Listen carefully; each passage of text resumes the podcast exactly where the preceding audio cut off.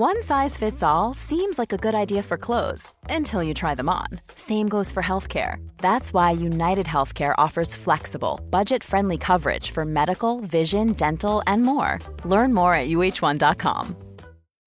Life is full of what ifs, some awesome, like what if AI could fold your laundry? And some, well, less awesome, like what if you have unexpected medical costs? United Healthcare can help get you covered with Health Protector Guard fixed indemnity insurance plans. They supplement your primary plan to help you manage out of pocket costs. No deductibles, no enrollment periods, and especially no more what ifs. Visit uh1.com to find the Health Protector Guard plan for you. There's never been a faster or easier way to start your weight loss journey than with PlushCare. PlushCare accepts most insurance plans and gives you online access to board-certified physicians who can prescribe FDA-approved weight loss medications like Wigovi and Zepbound for those who qualify.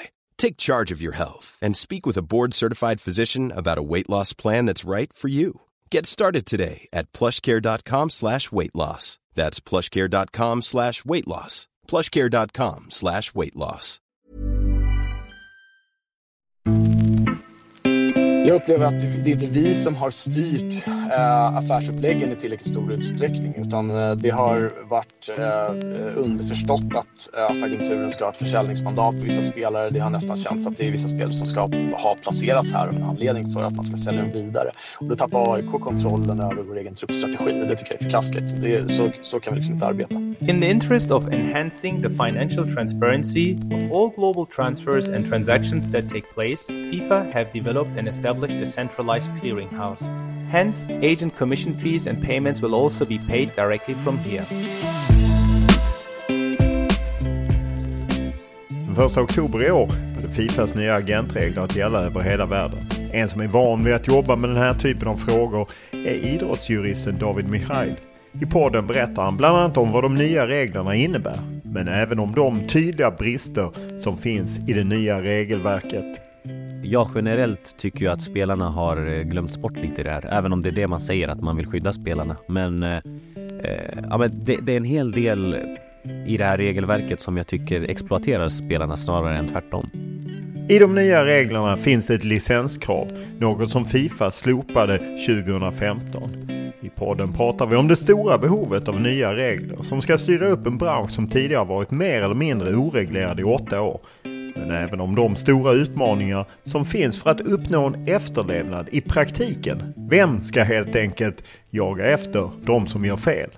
Är det så att man eh, inför sådana här hårda regler då är det ju viktigt att det finns ja, men, eh, någon som sköter efterlevnaden av det för att eh, finns det ingen efterlev ett efterlevande av, av reglerna så kommer ju folk ja, men passa på att inte följa dem och då blir det ju det blir ju det blir en skev marknad att liksom den som följer reglerna är den som drabbas hårdast. Eh, det, det funkar inte. Eh, så det, det, det är ett problem.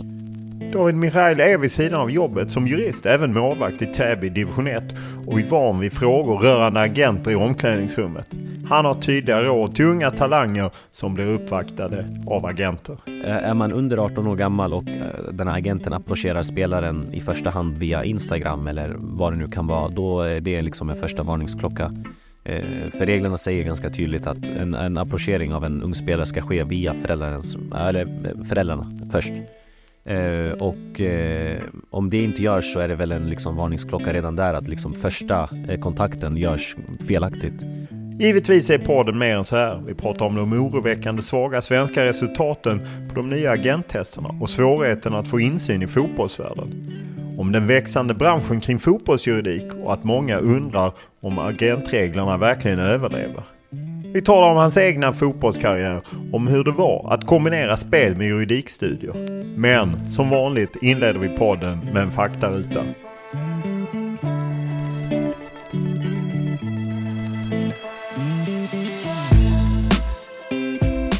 Ålder? 24. Bor? Jag bor i Stockholm.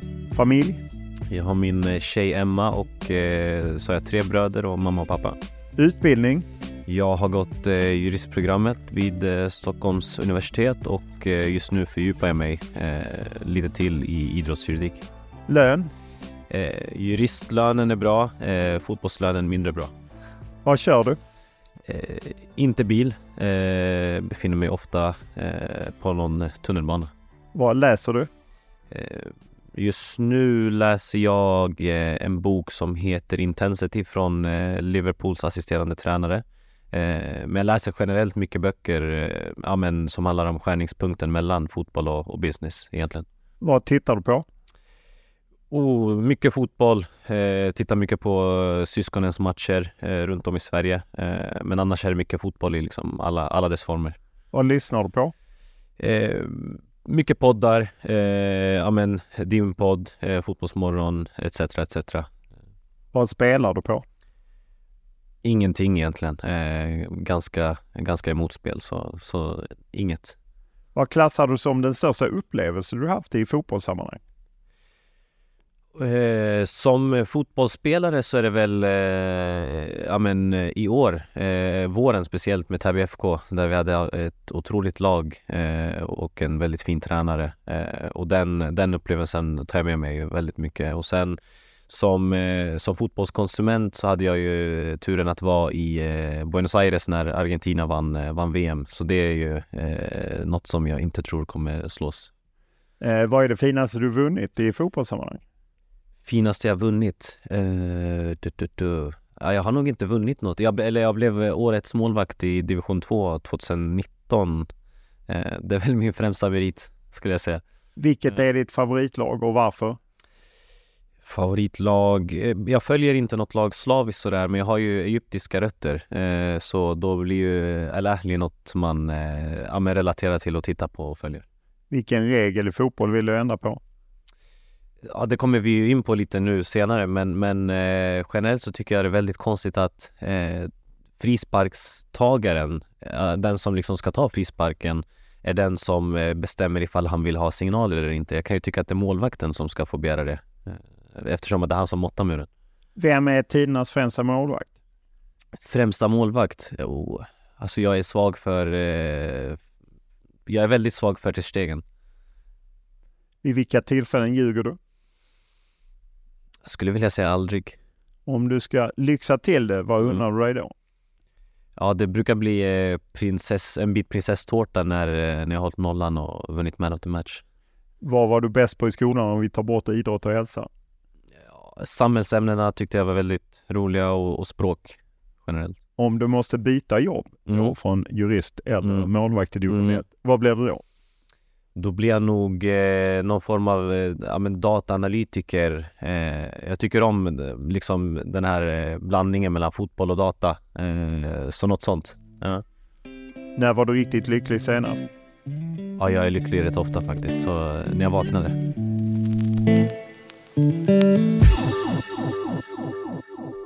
Vi sitter ju på advokatfirman Nordia där du är eh, jurist mm. Eh, och du spelar samtidigt i, i Täby division 1. Eh, hur, hur, är det att kombinera? Division 1 är ju en rätt tuff serie, ja. mycket resor och liknande. Hur hanterar du det dubbla? Jo, jag hanterar det väldigt, jag tycker det är väldigt kul. Jag tycker att det är skönt att man kan stimulera båda världarna på något sätt. Jag har varit heltidsproffs mer eller mindre förut och jag tyckte att det skulle vara kul att stimulera huvudet också. Eh, och nu går det ju att göra det och så har jag en väldigt förstående arbetsgivare eh, som gör att det blir väldigt enkelt att egentligen sticka ifrån när man har träning eller om man har bortamatch mitt i veckan eller, eller vad det nu kan vara. Så det fun fungerar egentligen väldigt bra. Vilken tanke har du med fotboll? Jo, jag, jag drömmer ju såklart som alla andra som spelar fotboll att eh, bli så, så bra som möjligt och spela så högt upp som möjligt. Eh, så absolut. Eh, eh, jag, ser, jag ser inte varför man liksom inte kan eh, ha de här två världarna i symbios snarare. Eh, att, att liksom båda världarna hjälper varandra. Är det, kan du känna att många spelare går miste om den möjligheten att faktiskt skaffa sig en yrkeskarriär om nu inte huvudspåret mm. fotboll gäller? Eh, ja, jag tycker generellt sett att eh, man inte utnyttjar den tid och den eh, liksom möjligheten man har när man är fotbollsspelare, speciellt om man typ spelar i Allsvenskan. Eh, för då har man ju redan en ganska kort startsträcka för att liksom hamna på bra platser efter karriären. Eh, jag träffade Rasmus Schüller eh, tidigare i förra veckan. Eh, han är ju ett praktexempel på hur man egentligen kan vara. han är också eh, färdig jurist nu och gått masters och allt vad det är. Och det, eh, om, man, om man kan göra det i SM-vinnande Djurgården så kan man väl göra det liksom i alla andra lag också. Hur mycket disciplin krävdes det ändå på att hålla igång en fotbollskarriär och ett mål och samtidigt sköta tentor och, och liknande? Jo, alltså det, det, är klart det krävs disciplin men sen tror jag att eh, har man spelat fotboll eh, under liksom hela sin livstid så har man ju fått en ganska grundläggande disciplin att liksom man infinner sig på en viss plats vid en viss tid eh, flera gånger i veckan. Så man har ju redan oftast det redan liksom installerat. Eh, så jag tycker ju att eh, ja, men det, krävs, det krävs en hel del disciplin och en hel del planering framför allt. Men eh, det är absolut inget som liksom är omöjligt. Eh, juridiskt, eh, riktar du in dig på, på sport och fotboll då? Stämmer. Eh, det är min nisch om man, om man vill säga så. Jag jobbar nästan uteslutande med liksom, juridiska frågor inom, inom fotbollsbranschen helt enkelt. Eh, jag gissar att en del är sekretess, men vad mm. kan det vara för typ av jobb eller uppdrag du ja. får? Eh, jo, men det är egentligen eh, mycket frågor som är relaterade till eh, egentligen alla intressenter inom fotbollen. Så det är allt från klubbar, det är spelare, det är agenter. Och så liksom förhållandena sinsemellan. Så det kan vara avtalsupplägg mellan ja, spelare och agent eller klubb och spelare, agent och klubb. Eh, så är det tvister en hel del. Eh, sen kan det vara liksom, eh, ja, men högt och lågt, allt mellan att en eh, spelare ska bli sponsrad av ett visst eh, varumärke eller att en, eh, eh ja, men en spelare inte har fått betalt och vill ha, eh, vill ha rätt till sin lön i Fifa exempelvis. Eh, så det är liksom allt ifrån ja, men avtalsskrivning till tvistande i, i Fifa. Vad beror det på att mycket av det här sker lite i skymundan? Att vi som bevakar fotbollen kommer ju ofta inte åt det här. Ja, jag skulle nog säga att eh, vi, har, vi har en ganska utpräglad liksom, tystnadskultur eh, i fotbollen som egentligen, jag vet inte va, varför den finns.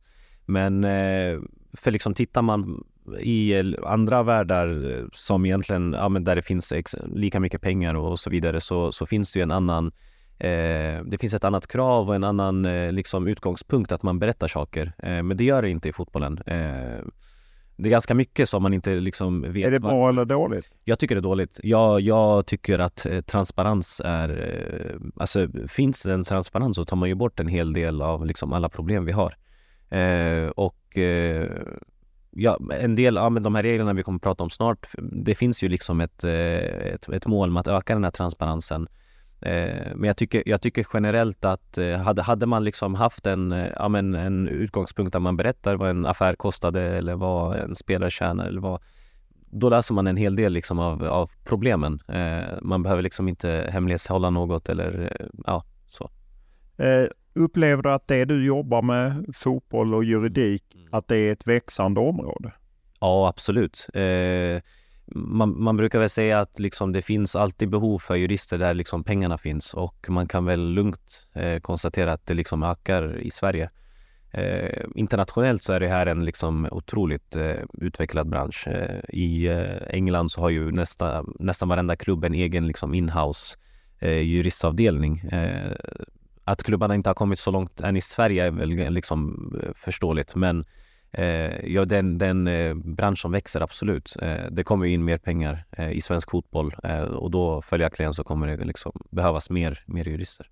Just att du eh, fortfarande har ambition med din fotboll. Mm. Har du agent? Jag har faktiskt ingen agent. Har du haft? Jag har faktiskt aldrig haft agent heller. jag har klarat mig själv. kanske för att jag liksom oftast har, haft mm, liksom bra koll. så det är ju ändå så speciellt att du är, jobbar med det här liksom civilt och mm. samtidigt är du i omklädningsrummet mm. med Täby och jag menar stöter på spelare och jag menar det här är ju precis under eliten, eh, superettan och många talanger som ska uppåt mm. och så. Hur mycket snackar ni agenter? Alltså vi snackar agenter eh, en hel del. Alltså jag tror att vi snackar säkert agenter i alla fall någon gång varje träning. Eh, nu har jag ju liksom ynnesten att få vara eh, i ett lag där det finns väldigt mycket unga lovande talanger. Så då blir det ju liksom extra speciellt. Har man varit i andra lag där det liksom är lite äldre spelare som är liksom där för att det är kul eh, så är det inte lika, lika påtagligt. Men nu spelar jag ändå i ett lag där liksom det har skett en försäljning till Serie A och det är liksom eh, en annan som har gått till Milan och liksom så det är mycket eh, såklart eh, mycket mer påtagligt i, i ett sånt omklädningsrum såklart. Hur mycket frågar de dig om råd? Eh, jo, en del. Eh, de tycker väl att det är liksom skönt att, att bolla eh, hur man ska tänka. Behöver jag agent? Eh, ska, liksom behövs det? Klarar jag mig själv? Och liksom allmänt, nu, de har ju följt liksom och sett, ja, men när man har varit ute i media innan om reglerna och så, så har det varit en hel del frågor om hur ska man tänka kring reglerna? Eh, vad gäller i en viss situation? Liksom. V vad ger det? För till och med jag kan ju få mm. frågor av folk som undrar och jag tycker att det är svårt för jag eh, vet inte riktigt vad jag ska säga där. Vad, vad ger du för råd? Ja, det beror väl på situation eh, som är det typiska juristsvaret egentligen. Men det beror väl på liksom, ibland så finns det spelare som faktiskt bara, eh, ja men de behöver liksom ingen agent eh, för att de liksom säljer sig själva för att de är så pass bra. Och har man en, en ja, men förälder som är där och checkar och man har liksom stöd från klubben så, så kan man klara sig själv. Eh, ibland så eh, är det bra att ha en agent som faktiskt liksom fightar för att man ska få en chans högre upp någonstans. Eh, så det beror lite på situationen egentligen. Eh, I vissa fall så ska man inte flytta någonstans eller inte behöva röra på sig från, från klubben man är i varför ska man ha en agent då? Eh, så så det, det, är väldigt liksom individuellt beroende på vart man är i sin karriär och, eh, och så vidare. Man kan ju säga att advokater och jurister på ett sätt konkurrerar med agenter. Det finns ju de som är inne eh, och hjälper spelare så att säga. I, mm. Hur ser du på det? För man kan ju från agent säga att mm. ja, men det är klart att han säger det för han mm. vill ha David vill ju ha de affärerna själv. Såklart. Eh, det, det fattar jag eh, att man kan säga. Men, men, sen, vi är ju inte, alltså jag är ju inte eh, någon liksom agent överhuvudtaget eh, eller så, utan jag är ju enbart jurist och vi får ju inte göra heller det agenter gör. Eh, så liksom Speciellt eh, nu med det här nya regelverket så är det ju jätte liksom, tydligt med vilka det är som får erbjuda agenttjänster och det är ju enbart licensierade agenter. Så jag får ju inte eh, erbjuda någon form av agenttjänst även om jag liksom kan bidra med en juridisk expertis. Men det är en helt annan sak. Hur många eh, skulle du säga har agent i ditt lag? Eh, jag skulle väl säga att det liksom är eh, säkert ja, men 50-50. Eh, det brukar ju vara liksom att de som har spelat en hel del och gjort avtryck liksom, ja, men snappas upp rätt tidigt på säsongen. Eller så är det någon som faktiskt redan haft agent och för de som det har liksom gått knackigare för så, så kommer det väl senare. Eh, eller så har man redan det sen tidigare. Alltså det, det, det, är väldigt olika men jag skulle säga i mitt lag så är det väl ja, 50, 50, 60, 40 kanske.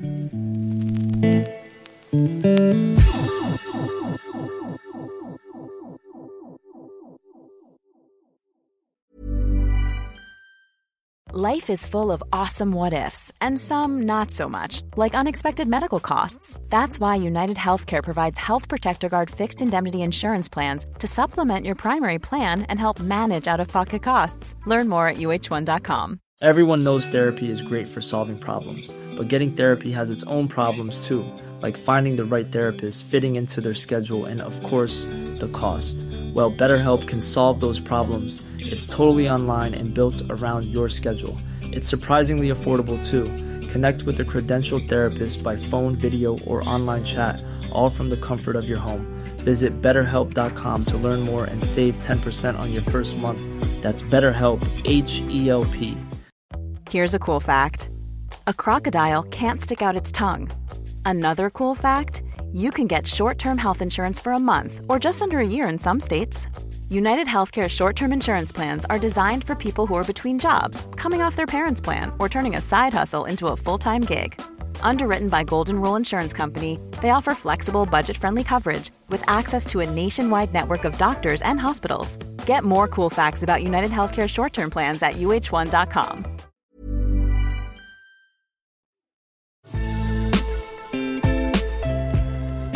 mean, anyone who does a job has the right to earn money. That's perfect. That's perfectly right.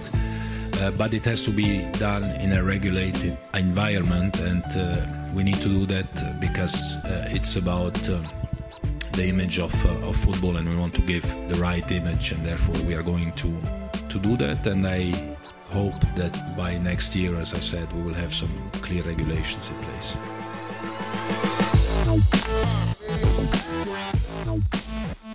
Det har ju kommit in nya agentregler i, det är ju Fifa som har kört igenom efter lång period utan licens. Man tog väl bort dem 2015 och det blev väl lite High Chaparral, vilda västern och nu har man infört det första oktober. Sen ska det sägas att det förs lite olika processer. Många agenter som var, det är väl i Tyskland man har lyckats stoppa det. I Storbritannien avvaktar man något besked som ska komma så det är uppskjutet till 13 november. Men i Sverige så rullar det.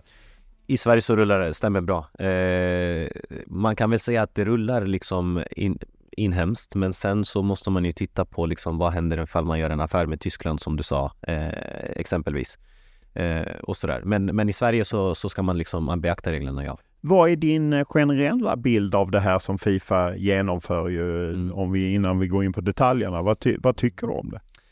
Jag tycker att det kommer från en bra plats. Eh, jag förstår varför man inför eh, sådana här regler, men jag tycker det är väldigt problematiskt att man har infört det efter liksom, ja men, åtta år av anarki i princip. Eh, och jag tycker också att det är problematiskt med liksom hur man faktiskt har utformat det rent liksom konkret. Eh, men jag förstår behovet och jag förstår varför man har infört det. Men eh, som vi kommer komma in på senare, det är en hel del som liksom gör att det här regelverket blir svårt, liksom att, eh, att det fortfarande kommer gälla.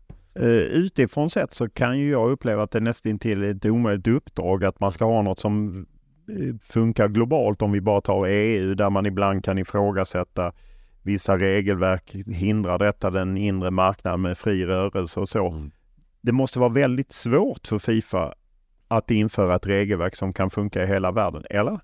Det, det är ju det som är liksom eh, knäckfrågan just nu i liksom, eh, som du sa, i Tyskland så har man ju liksom lyckats skicka vidare ärendet till EU-domstolen och det är väl det som är knäckfrågan liksom.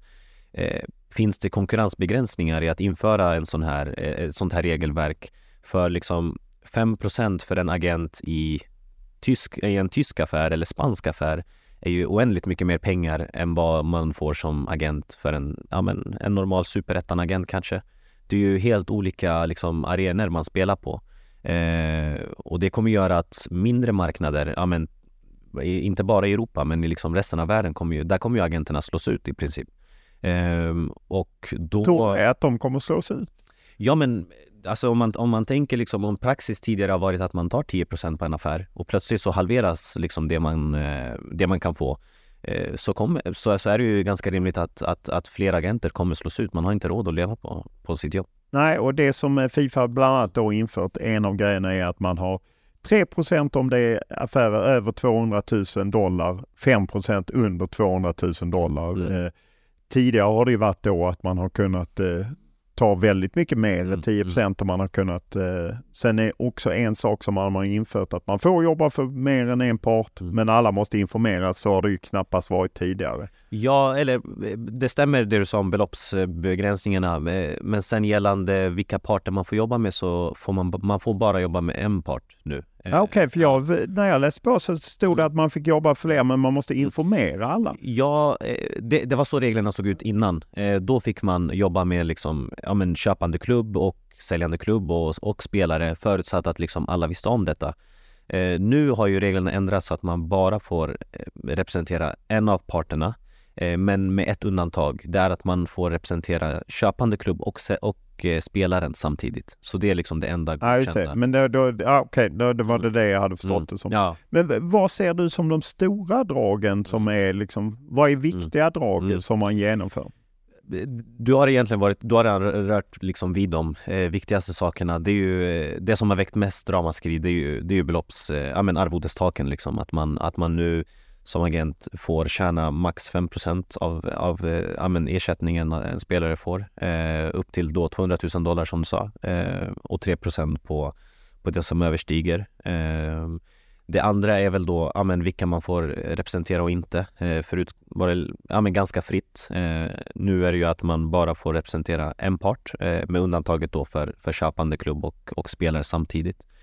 Eh, sen så är det eh, i, egentligen något som kanske inte berör den svenska marknaden så jättemycket men man har ju skiftat eh, från att tidigare har praxis varit att det är klubben som betalar eh, agentarvode till agenten. Eh, trots att det är spelaren och agenten som har ett avtal så är det ju klubben som betalar liksom och spelarens vägnar. Nu har man infört att tjänar man mer än 200 000 dollar per år som spelare, då är det spelaren själv som ska betala till, eh, ja, men till sin agent. Eh, och detta har ju varit funnits på mm. den svenska marknaden där ju agenter har, eh, eller spelare blivit dömda och betala för att skattemyndigheterna tittar på det här. Ofta görs det ju så att säga fiktiva har jag skrivit om, bland annat om i min bok om Allsvenskan i ett Lund. Då är det ju sportchefer som berättar att liksom, ja, man gör ett avtal mm. om att du scoutar och så är det egentligen bara ett påhitt. Men mm. så slipper mm. spelaren, för det blir mycket dyrare för spelaren. Det blir dyrare för alla parter om spelaren ska skatta och ja. betala sin agent. Men det måste man göra nu alltså? Ja, exakt. Reglerna säger liksom, tjänar man mer än 200 000, eller motsvarande 200 000 dollar per, eh, per år, då är det spelaren själv som, som betalar sin agent. Eh, egentligen så är det huvudregeln generellt, men det finns en undantagsregel som säger att eh, om man tjänar mindre än så, då kan man göra som förr, liksom att klubben betalar å spelarens vägnar eh, för de tjänsterna som agenten har erbjudit spelaren. Så att i allsvenskan 200 000 dollar är ju ja, knappt 2 miljoner kronor. Det är inte mm. jättemånga spelare, men det är klart att det finns ja. spelare i Sverige som, som tjänar så mycket. Mm. Särskilt om mm. de kommer till Sverige utifrån, mm. från signing bonus och mm. liknande. För signing bonus ska ju räknas in i detta. Exakt, exakt. Eh, hur, om, om vi börjar med det, jag vet att du till exempel har pratat med sportchefer i EFD, SEF. Mm. Mm. Hur är deras reaktion kring eh, det här? Kring regelverket? Ja, ja.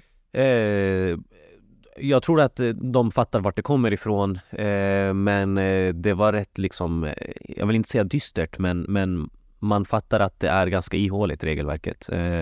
jag fick känslan av att man liksom vet att ja, men det finns ett regelverk. Frågan är liksom att kommer man kunna förhålla sig till det här och om man förhåller sig till det, blir man liksom konkurrensutsatt på något sätt för att den som är bredvid inte liksom följer till punkt och pricka. Eh, och det är väl det som är nackdelen att eh, i fotbollen att man vet att andra kanske gör på ett visst sätt och man, eh, ja, men ingen säger ifrån och det, det blir liksom så att den som följer regelverket är den som ja, men, ja, men får sämst utfall av det. Eh, vad har Fifa och eh, nationella fotbollsförbund sagt om hur man just ska följa upp det här mm. för att kontrollera mm. att klubben X faktiskt mm. gör som man mm. ska? Mm. Alltså problemet är ju att nu så blir det ju att man har, Fifa ska ha översyn över, över det hela och det är ju inte liksom hundra pers som sitter i den juridiska avdelningen.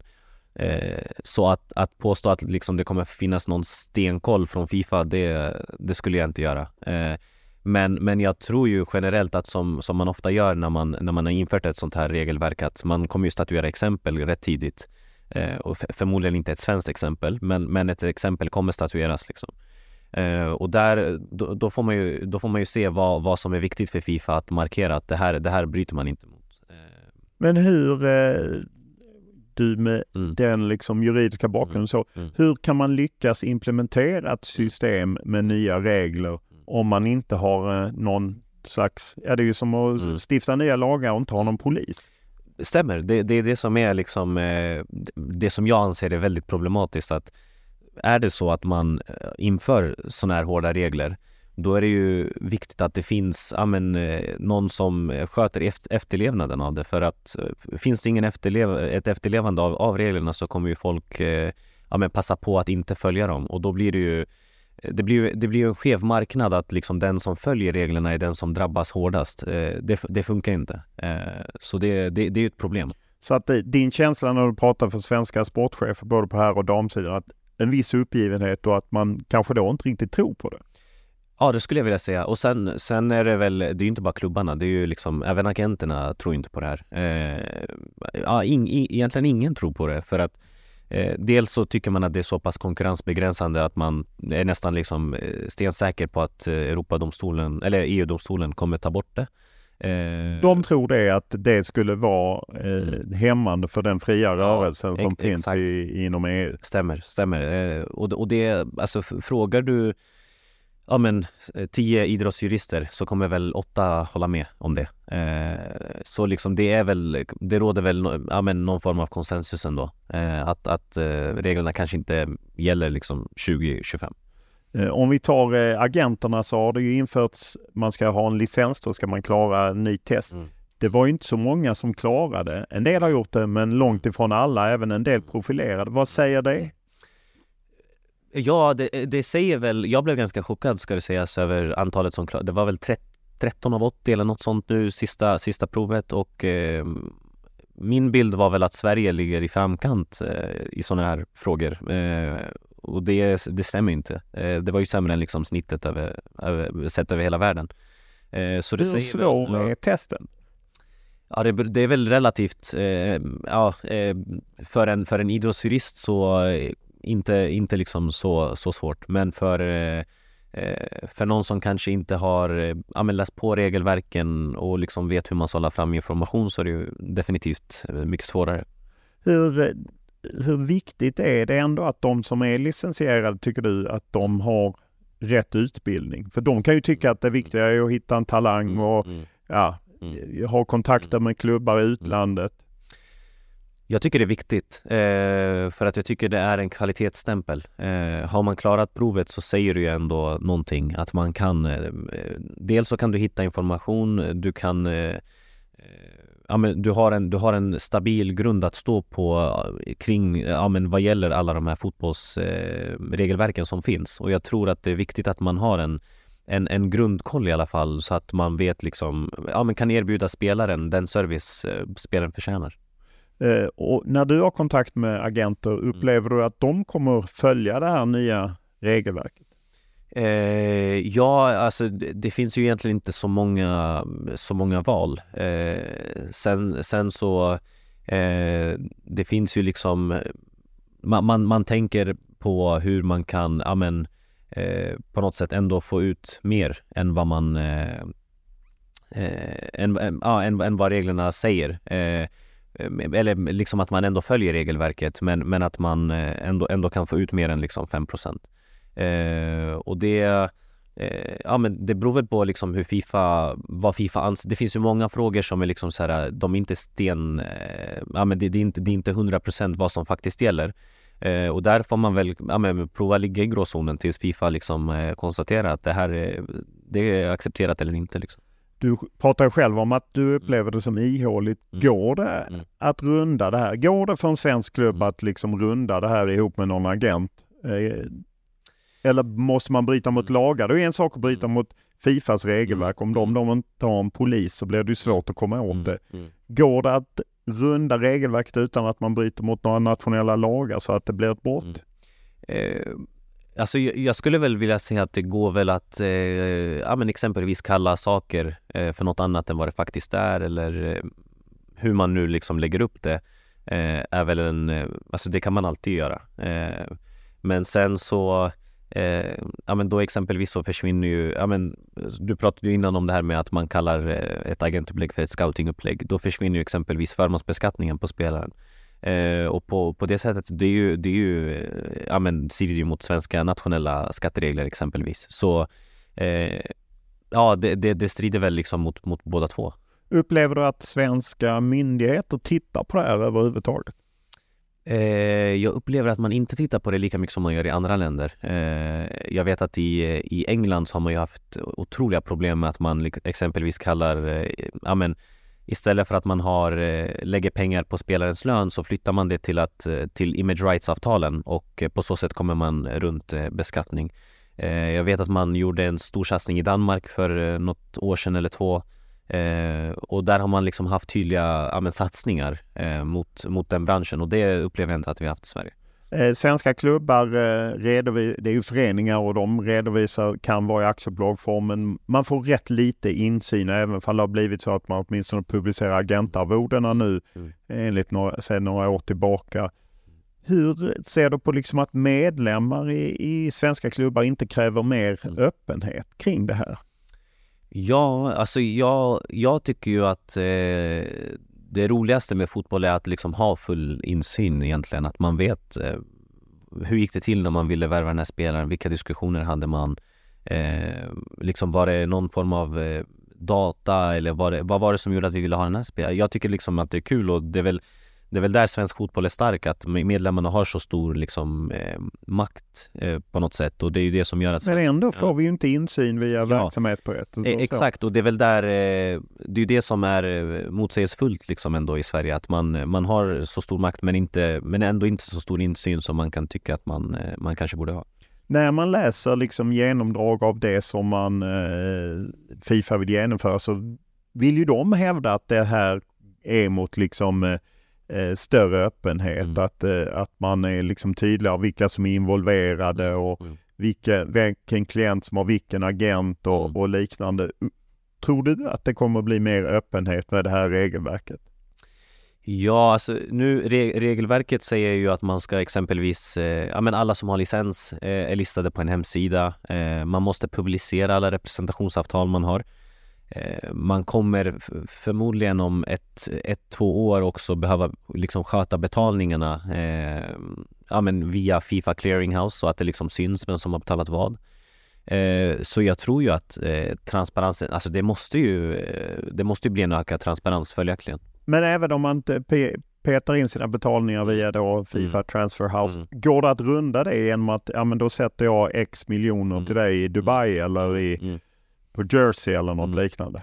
Eh, det är klart, alltså det är ju det är precis som eh, liksom vilken annan betalning som helst som man, man, man gör. Eh, så det är, väl, det är väl klart att man skulle kunna göra det även om det liksom skulle strida mot reglerna utifrån sett kan man ju uppleva att Fifa gör det här för spelarna.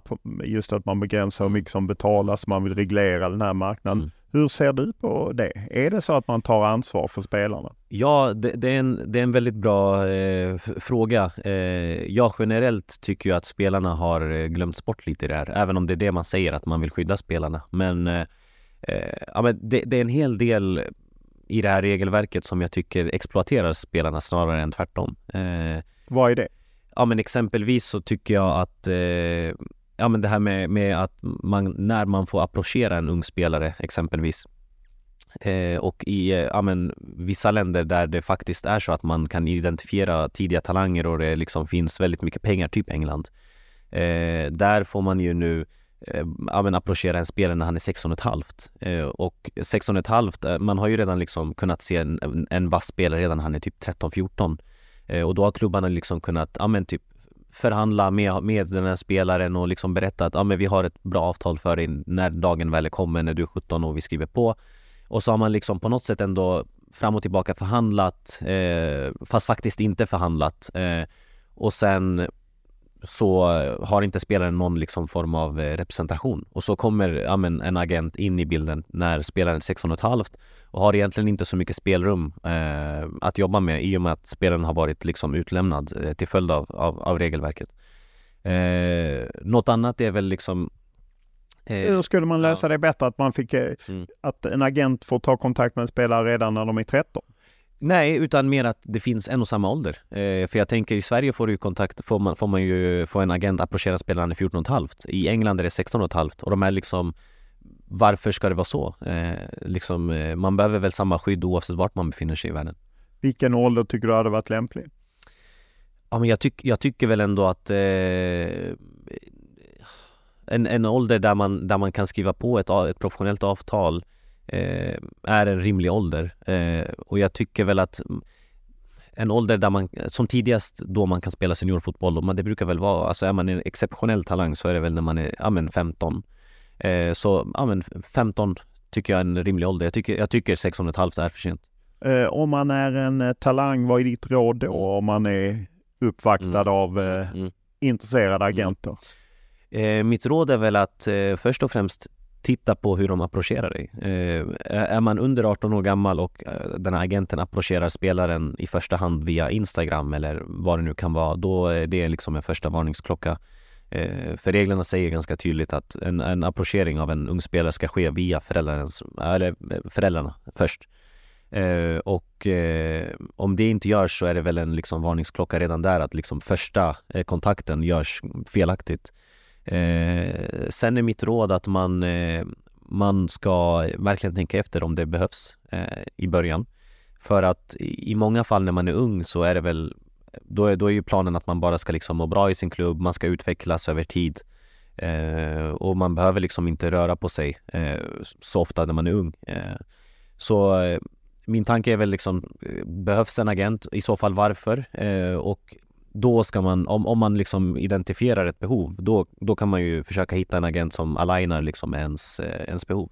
Om någon tar kontakt med en som ung talang eller till och med familj och erbjuder en väska, en Mm. klocka eller pengar, hur ska man reagera då? Man ska tacka nej. Eh, det, det, ja, men det strider ju mot, mot svensk lag. Eh, Eh, Varför gör det det?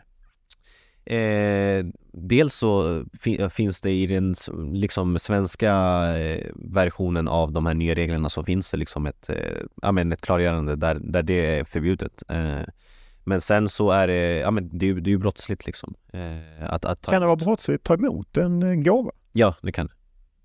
Det- Varför? Ka- Kan du Mm. förklara för dem? Mm.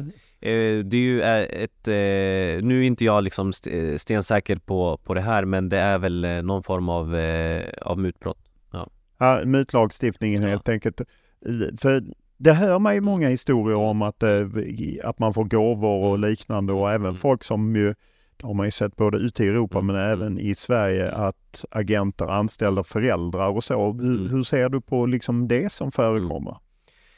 Eh, ja, alltså det är ju, eh, det är ju problematiskt eh, att, att det förekommer. Eh, äv, även om man liksom ibland eh, ja, men förstår föräldrar som kan, ja, men säga att man kommer från ett socioekonomiskt utsatt eh, område eh, och inte har faktiskt ja, men, koll på vad som gäller. Eh, och då, då kan man ju förstå att plötsligt har jag en son som eh, tjänar pengar på, på liksom, ja, det han höll på med på gården liksom. Och då, eh, då, då hinner man väl inte tänka efter så mycket utan då är det ju, ja men här får vi extra pengar från ingenstans. Eh, Vilket ansvar ligger på fotbollen att nå ut med den här informationen? Det är ju det som jag liksom eh, tycker att vi är väldigt dåliga på eh, i Sverige framför allt. Eh, jag tycker att vi har ett, eh, vi, vi har, man kommer en väldigt lång väg om man utbildar spelarna. Eh, och ja, men, eh, föräldrarna då också liksom.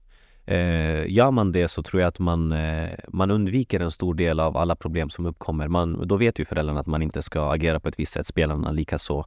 Eh, man vet plötsligt liksom vilka varningsklockor det är som, som finns. Eh, hur approcherar agenten mig exempelvis? Eh, har, har den licens? Har den inte licens? Eh, och så vidare. Eh, så jag tror att man har kommit en, en ja men utbildar man spelarna först så, så kan liksom även spelarkollektivet på något sätt motverka eh, ja, men det som är dåligt i, i den här liksom världen. Hur kan man komma åt det med information till spelarna? Jag menar, du har ju Mm. själv varit Mm. ung spelare. Så Mm. hur, Mm. hur ska man göra för att nå ut? Om vi säger att Svenska fotbollförbundet ändå Mm. har ansvaret, även Mm. fall det sen ligger på CF och EFD och distrikt och så. Mm. Men hur ska förbundet göra?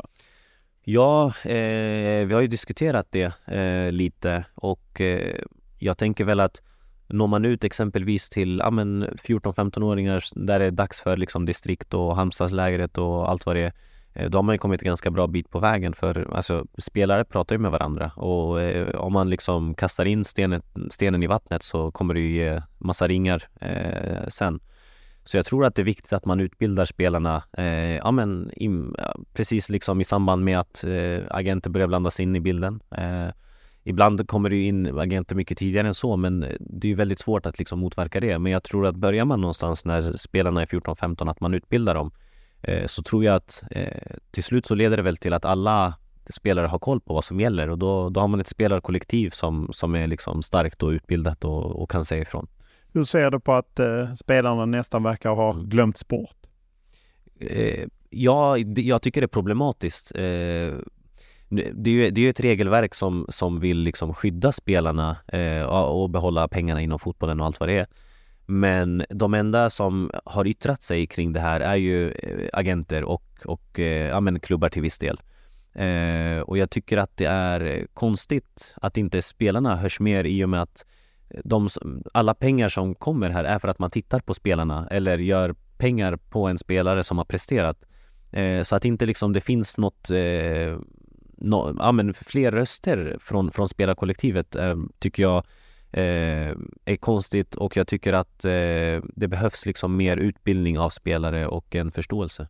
Vore det något för spelarföreningen att ta tag i? Absolut, absolut. Varför har de inte gjort det? Bra fråga. Eh, jag vet faktiskt inte och man, alltså tittar man på andra spelarföreningar i andra länder så där finns det ju mer liksom aktivitet, eh, speciellt när det kommer sådana här eh, regelverk. Eh, så, men absolut, det tycker jag.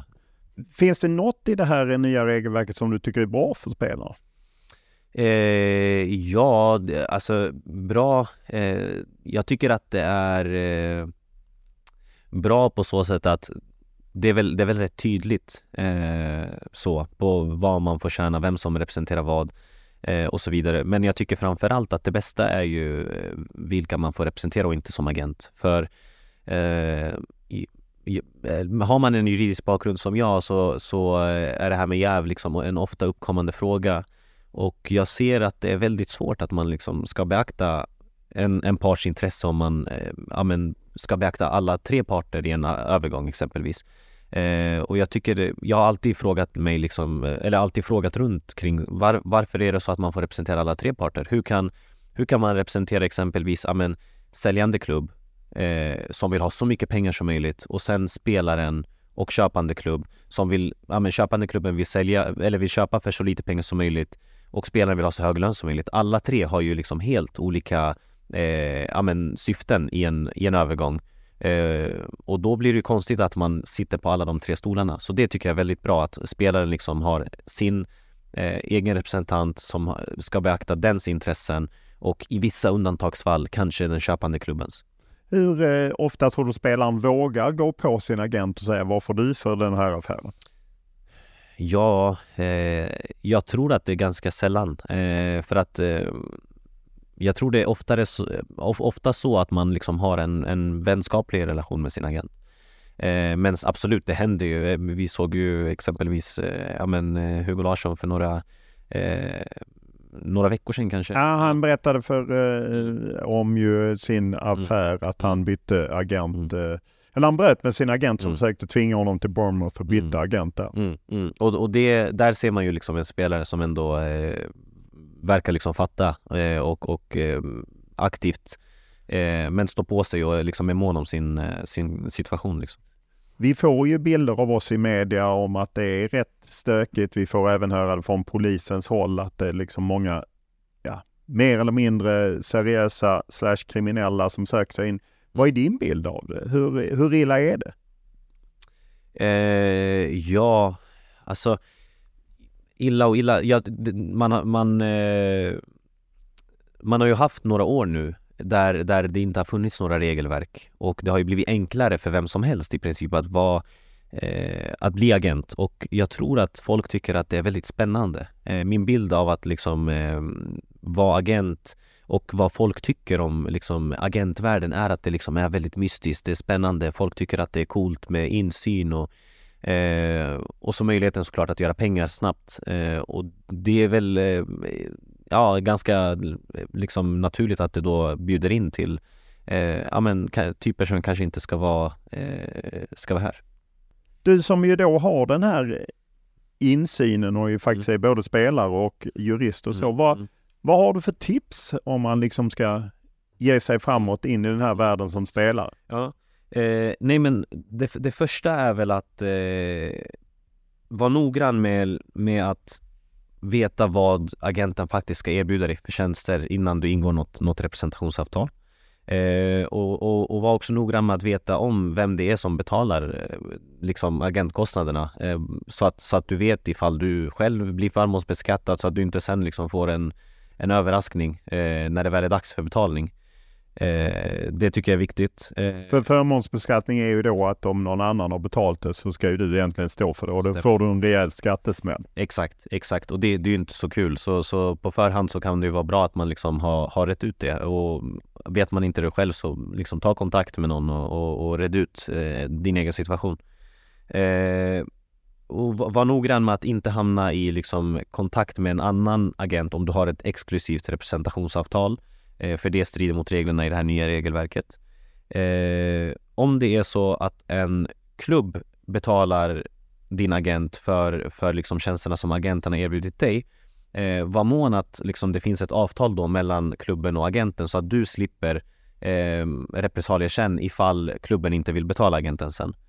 Eh, och sen så var medveten om att eh, det får inte finnas några klausuler som straffar dig som spelare ifall du förhandlar och dina egna vägnar. Det får man alltid göra. Eh, oavsett om man har exklusivt avtal med en agent eller inte. Så kan du ändå säga att jag vill göra den här affären själv? Stämmer. Förut så har det varit vanligt att man eh, ja, men hade någon vitesklausul där agenten liksom kunde skriva att eh, förhandlar du själv så har jag rätt till ja, 500 000 kronor exempelvis. Och det, det är totalförbjudet nu. Man, man har alltid rätt att förhandla sina egna vägnar.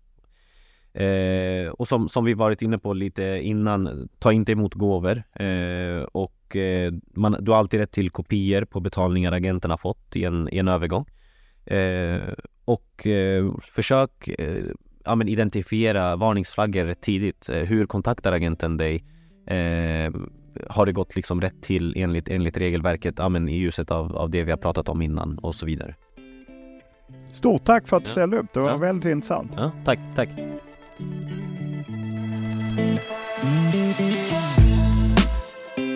Podden är producerad av Jakob Nalerius och klippt av Daniel Eriksson. Och vi hör gärna av er oavsett om det gäller kritik, beröm, frågor, önskemål, ja vad det än må gälla. Enklast är alltid att mejla mig olof.lund.tv4.se eller skriva till mig på Instagram eller Twitter, eller X som det heter numera. Då gäller Olof Lund i ett ord. Stort tack för den här veckan.